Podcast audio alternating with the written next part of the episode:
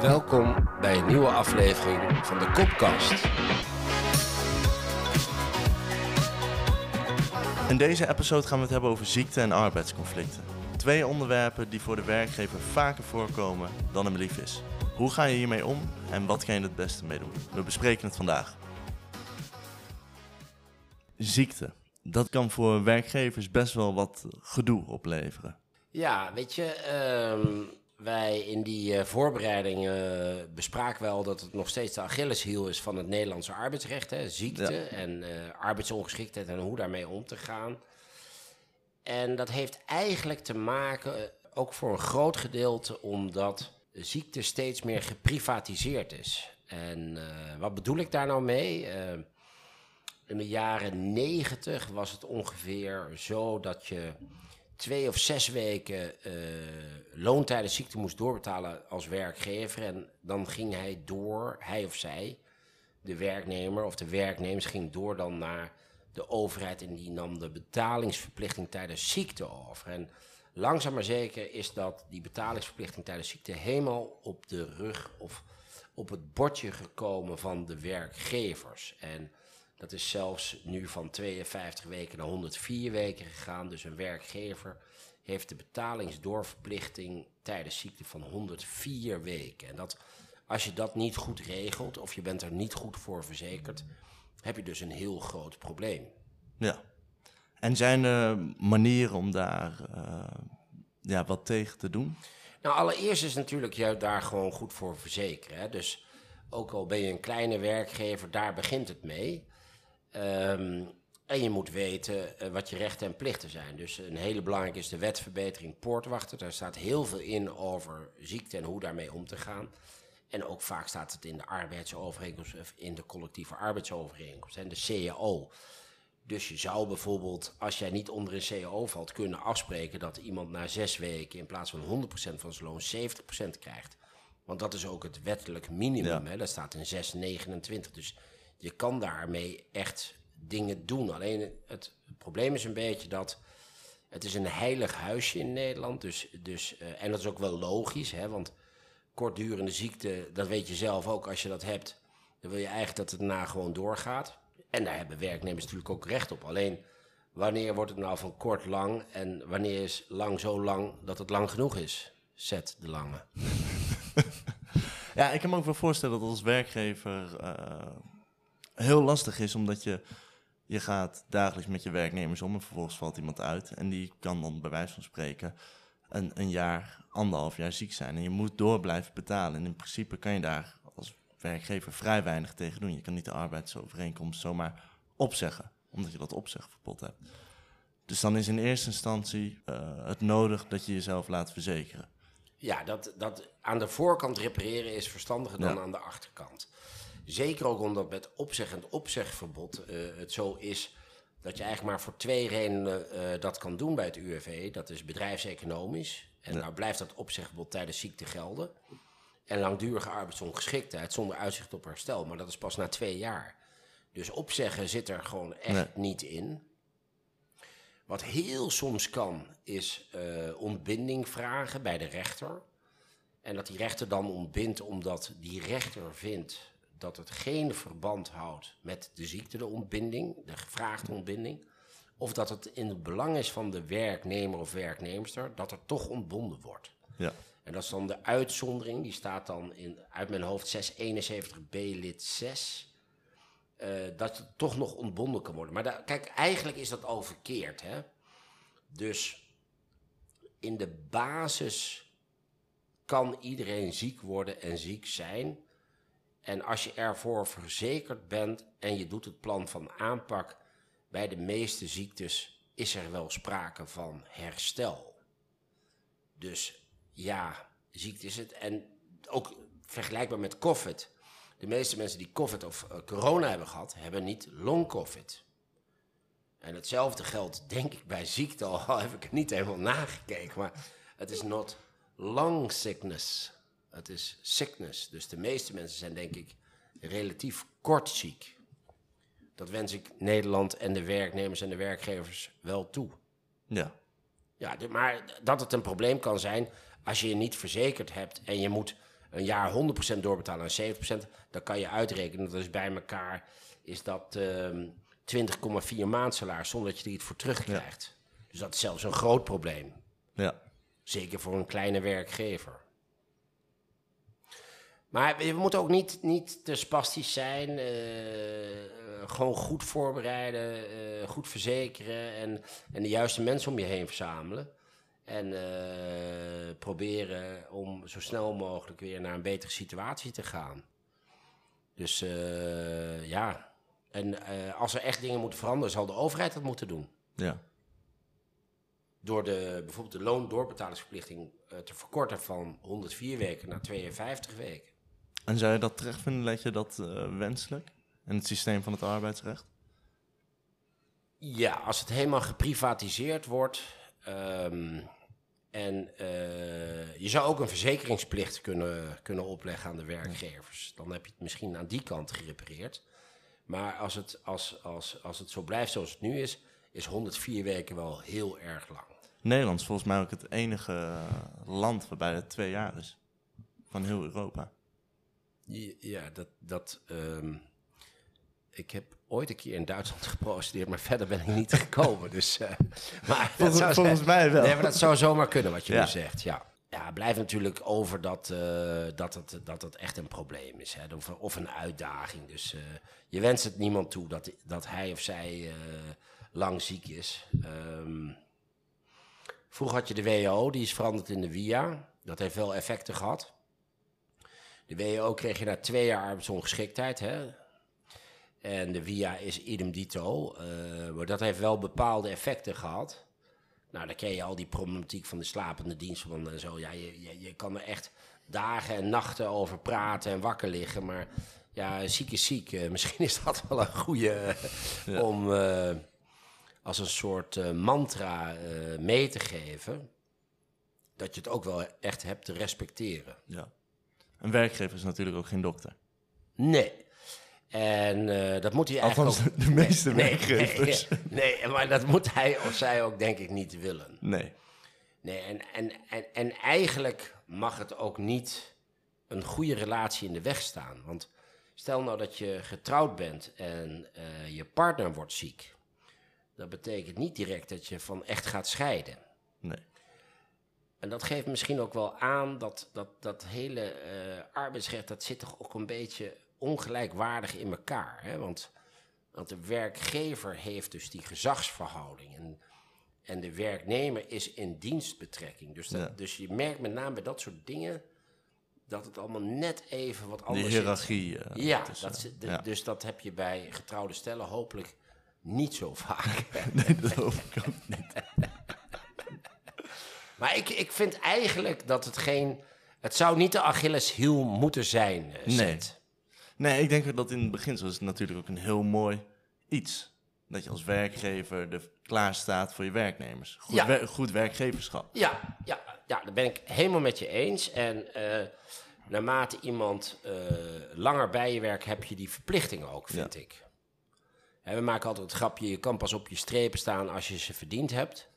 Maar naarmate iemand langer in dienst is, heb je ook een, een contractuele plicht die verder gaat, maar ook Ja. een postcontractuele plicht, zelfs als het eindigt. Ja. Je doet het uiteindelijk samen. Ja. Dus gewoon goed verzekeren en eh, hopen dat het eh, overgaat. Dat, eh, en, En, de- daar, en daar je ook voor inspannen. ja, ja, ik denk inderdaad ook die inspanningsverplichtingen. En dat je er ook daadwerkelijk bent voor je werknemer. Want dat Ja. is volgens mij ook nog iets waar je tegenaan kan lopen. Op het moment dat je niets van je laat weten. Een beetje een koude werkgever bent die op afstand eh, blijft en nooit aan zijn werknemer vraagt. eh, hoe gaat het met je? Of kunnen we iets voor je betekenen? Dat kan volgens mij ook een hele hoop pro- eh, problemen bezorgen. Het rare is wel, Zet. Ik doe dat natuurlijk al nu 26 jaar, hè, dit vak. En op de een of andere manier, bij grote bedrijven is het nog een groter probleem. We maakten ooit het grapje, hoe groter, hoe kloter, hoe kleiner, hoe fijner. Stel je bent een werkgever van 500 of 600 man. Ja. En er worden er 10 ziek. Ja, daar, daar maalt bijna helemaal niemand om. Nee. Dus, dus, dus ja, dan, dan raakt het bijna in vergetelheid. Ja. Eh, maar, maar dat is ook weer niet goed. Nee. Dus, dus, dus eigenlijk, als ik er zo over praat met je, op deze prachtige dag dat Deliveroo heeft te horen gekregen dat alle mensen die voor hun werkten krachtens arbeidsovereenkomst dat deden. op deze memorabele dag, zet, Ja. zeg ik, wetgever, zorg voor een verzekeringsplicht. Dan hebben we al heel veel opgelost. Ik denk ook. En verkorten van 104 naar 52 weken. Ja. Klein bruggetje, eh, omdat we Zet in de intro zei, Raoul, eh, ziekte en arbeidsconflicten. Voor beide zijn prachtige stekkerrichtlijnen geschreven. En dan moet ik even kijken waar stekker voor staat. Eh, stekker staat voor ehm, Stichting Expertise Centrum Participatie. Nou, als je dat dan voorleest, dan wordt het bij mij in ieder geval nooit stekker. Maar we gaan het toch even proberen. Stichting is de S. En dan de T van stichting wordt dan de, de ST van stekker. Expertise is de E, de C is centrum en de R is dan van trum. En dan komt, dan komt daar stekkerrichtlijn. Nou, nou, dat had ik niet beter kunnen uitleggen, Ik, denk ik zat hier ook naar te kijken en ik vroeg me enorm af waar de P was van participatie. Ja, die, ja, daar hebben ze een streepje bij gezet, zodat het een R werd. Maar in ieder geval, Maar waarom is die werkwijze geschreven? ja, dat, dat is wel belangrijk. En daarom dat ik da- ehm, het ook met jullie wilde bespreken. Dus eh, ziekte en arbeidsconflicten en hoe daarmee om te gaan. Hè? Want ja, weet je, het is allemaal zo moeilijk, maar het kan ook zo makkelijk zijn. Want in beide stekkerrichtlijnen, arbeidsconflicten en bevlogenheid en burn-out... Je hebt heel veel stekkerrichtlijnen. Maar bevlogenheid is toch heel goed? Ja, maar, maar die, die richtlijnen die zijn geschreven voor diverse deskundigen die er gebruik van kunnen maken. Dus mijn volgende tipset is van hoe gaan we daarmee om als werkgevers, is wij googelen op de letters, hoofdletters S-T-E-C-R. En daarachter schrijven wij spatie richtlijn. En we kijken naar alle richtlijnen die er zijn. En dan weten we in ieder geval dat er voor alles wat jij ervaart als een probleem met je werknemer, daar wel een stekker richtlijn voor is. En ik zou zeggen, stekken erin, stekken eruit. Maar die richtlijn, die is geschreven voor werknemers, Ja. Niet voor werkgevers. Ook, voor beide. En, en met name hoe deskundigen daarmee omgaan. Dus, ehm, dus O- als Over jij welke deskundigen hebben we het dan? bedrijfsartsen, Bedrijfsartsen. eh, advocaten, ehm, Maar ook werkgevers zelf, dat zij zich daarin kunnen inlezen. Ja, maar ik, ik denk dat het bijna niet gebeurt. Of in ieder geval veel te weinig. Hè? Dus, dus je zou hopen dat iedereen dat ehm, ja, op zijn nachtkastje is een beetje raar. dat je- Dat je een stekkerrichtlijn op je nachtkastje hebt. Maar oh, dat, dat het in ieder geval op je bureau, op, op je bureau ligt. Maar op zich, richtlijnen hoe om te gaan met conflicten en met ziekte, da- dat is natuurlijk wel een heel Ja. groot goed. Dat Ja. dat bestaat. Het is een soort aanvulling op de wet. Ja. Daar waar de wet eh, te weinig woorden heeft, heb je de richtlijn die aanvult. Ja, en ehm, wat ik er zelf van begreep, maar eh, daar heb ik me minder in verdiept, is ehm, dat er naast die stekkerrichtlijn nog een richtlijn was. Ja, en dat is de richtlijn van de Nederlandse Vereniging voor Arbeids- en Bedrijfsgeneeskundigen, de NVAB. Dat is, die afkorting snappen jullie, hè? De Nederlandse Vereniging voor Arbeids, Arbeids- en Bedrijfsgeneeskunde, dus de NVAB, dat is beter dan de stekker, die de richtlijn heeft geschreven conflicten in de werksituatie. Dus er zijn twee richtlijnen. En dat weet bijna niemand, dus ja, ik ben nu sowieso mijn geld waard. Er zijn twee richtlijnen voor arbeidsconflicten. Dus niet alleen de stekkerrichtlijn, STECR, maar ook de NVAB-richtlijn, conflicten in de werksituatie. Nou, en als we dat nou bij elkaar pakken, En we, en we gaan terug naar zet zijn openingsvraag naar ziekte en arbeidsconflicten. Dan hebben wij wel een mooi palet aangereikt aan de werkgevers. Allereerst verzeker je voor zieke werknemers en de loondoorbetaling tijdens ziekte. Repareer het aan de voorkant en probeer je gewoon te houden aan de wetverbetering poortwachten en de stappen die daarvoor gelden. Het maken van een plan van aanpak, een probleemanalyse. Zorg dat je een bedrijfsarts kent. Weet de wegen te bewandelen die samengaan met zieke werknemers. Dus dat is een tip aan de werkgevers. Het repareren aan de voorkant, kun je dat verder toelichten? Ja, kijk, ehm, achteraf, dus stel je zou niet verzekerd zijn en je moet 100% doorbetalen. Je bent een kleine werkgever die zes werknemers heeft. En eh, bijvoorbeeld één vrachtwagen en één vrachtwagenchauffeur met rijbewijs B en E. En hij wordt ziek, dan staat die vrachtwagen stil. Nou, als je je daarvoor verzekert en je regelt bijvoorbeeld eh, dat iemand anders ook rijbewijs B en E heeft, dan doe je dat aan de voorkant. Doe je dat aan de achterkant, dan ben je te laat, want dan staat die vrachtwagen te lang stil. Dus kan je je producten niet brengen naar je klanten. Dus eigenlijk moet je proberen zoveel mogelijk aan de voorkant te regelen. En als, als, als dan ook de loondoorbetaling gedekt wordt, die krachtens de vaak 100% is in de eerste 52 weken, dan is het nog steeds net zo vervelend, ook voor die werknemer, maar leidt je niet zoveel schade. Dus dus aan de voorkant repareren. En, en, en de, de, de tweede tip hè, van hoe ga je ermee om met arbeidsconflict, daarvan heb ik gezegd, probeer nou je eerst eens te verdiepen. Dat geldt trouwens ook voor ziekte in die stekkerrichtlijnen, STECR, waarbij de afkorting nergens op slaat. Um, en probeer je te verdiepen in die stekkerrichtlijnen. Google dat eens, vraag dat eens op. Je krijgt op eigen naam een boek aangeleverd tussen de 30 en de 40 euro. Lees dat eens en weet hoe om te gaan met ziekte en arbeidsconflicten. En praat er ook gewoon eens vrijblijvend over met ons kantoor. Uh, een half uurtje of uurtje met een kop koffie of een lunch. Uh, want dan kunnen wij ook onze tips en tricks aanreiken. En uh, ik denk dat het is eigenlijk een heel beladen onderwerp, zowel conflicten, want ja, ja, je wil niet de hele dag conflicten hebben. En ziekte is, het zijn eigenlijk twee hele vervelende onderwerpen om lang over te praten.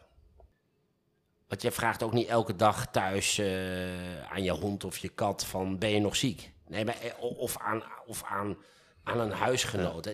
Het, is, het, is, het is gewoon vervelend. En je maakt ook niet elke dag ruzie wie er gaat koken of wie wat doet, snap je? Dus je kan niet elke dag praten over ziekte en conflicten.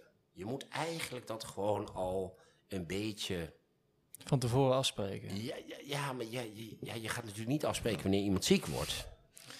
Of wanneer je conflict krijgt. Maar je kan wel regelen hoe je ermee omgaat als het je overkomt. En dat is wat ik eigenlijk bedoelde, Raoul en, en Zet, met... Het is niet de vraag of de bokser neergaat. Het is de vraag of de bokser weer opstaat. Met andere woorden, je kan niet voorkomen dat er soms conflicten zijn in jouw bedrijf. Je kan niet voorkomen dat iemand ziek wordt. Maar je kan het wel zo proberen te regelen dat het bedrijf het bedrijf kan zijn onverlet een conflict of een ziektegeval. En daar zou ik het graag bij willen laten. Oké, okay, mag ik daar nog één dingetje over zeggen over de Achilleshiel? Dat praat ik gewoon even. Ja? We hadden het over de Achilleshiel van het arbeidsrecht, hè? En... Ja. Uh, ik zat eigenlijk te denken, ja, wat is nou precies een Achilleshiel en waar komt het nou precies vandaan? En, uh, nou ja, je Brad Pitt, toch? Als je vragen hebt over het besproken onderwerp, maar als je juridische uh, hulp nodig hebt, hij heette neem dan gerust contact met ons op. Via www.kopadvocaat.nl Maar uh, tot het is een kwetsbare of meest kwetsbare ja. plek. Of je zwak, zwak of zwakke punt. En dus daar waar je het kwetsbaarst bent, hè, daar, daar moet je uh, voor waken dat dat vaak geraakt wordt. Of in ieder geval, dat moet je proberen zien te beschermen. En dat inderdaad, het is vernoemd naar de Griekse held Achilles. En uh, die had uh, een moeder. En die moeder, dat was een zeenimf. En die heette Thetis. En die doopte Achilles in het water. Brad Pitt. Ja, en hield hem vast aan een van zijn eh, je benen of voeten. Dus, dus daar waar de Achilleshiel is. En doopte hem in het water, in de rivier de Styx. Zodat hij onkwetsbaar zou worden, die Achilles. Maar omdat zij hem vasthield aan dat ene beentje. Net zoals Michael Jackson ook deed een keer toen hij zijn kind Oh ja, ja, ja, ja, uit dat raam. Ja, dat was bijna net zo, eh, net zo apart. Ehm, was Achilles of Achilles daar kwetsbaar. Dus daar was hij niet ehm, onkwetsbaar, maar kwetsbaar, omdat ze daar haar hand had en hij daar dus geen water over gekregen had.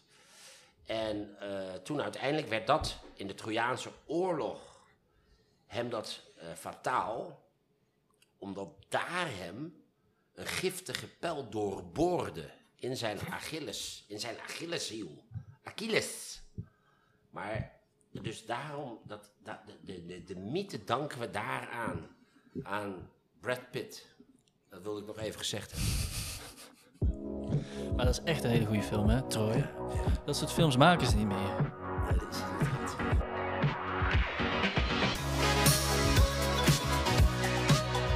Als je vragen hebt over het besproken onderwerp of als je juridische hulp nodig hebt, neem dan gerust contact met ons op via www.kopadvocaten.nl. Tot de volgende keer.